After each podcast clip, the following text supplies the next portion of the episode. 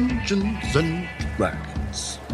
At first regarded as a harmless game of make believe, now has both parents and psychologists concerned. Studies have linked violent behavior to the game, saying it promotes satanic worship, ritual sacrifice, sodomy, suicide, and even murder. Lover at det ikke er fullt så ille, men det kan høres slik ut. OK. 25 til 20. Eh, ja, 24. Uh, uh, da. Eh, jeg kasta bort en Nat 20 på initiativ, jeg. Ja. Det var lurt. Jeg vil uansett eh, slenge en guiding bolt rett i trynet på denne høye tynne. Høye tynne. Høye. Yes, gjør det. Eh, s- eh, maner fram litt lys i mine beklodde hender, sender det ut, treffer henne r- Henne? rett i trynet. Det blir 20 dem. 20.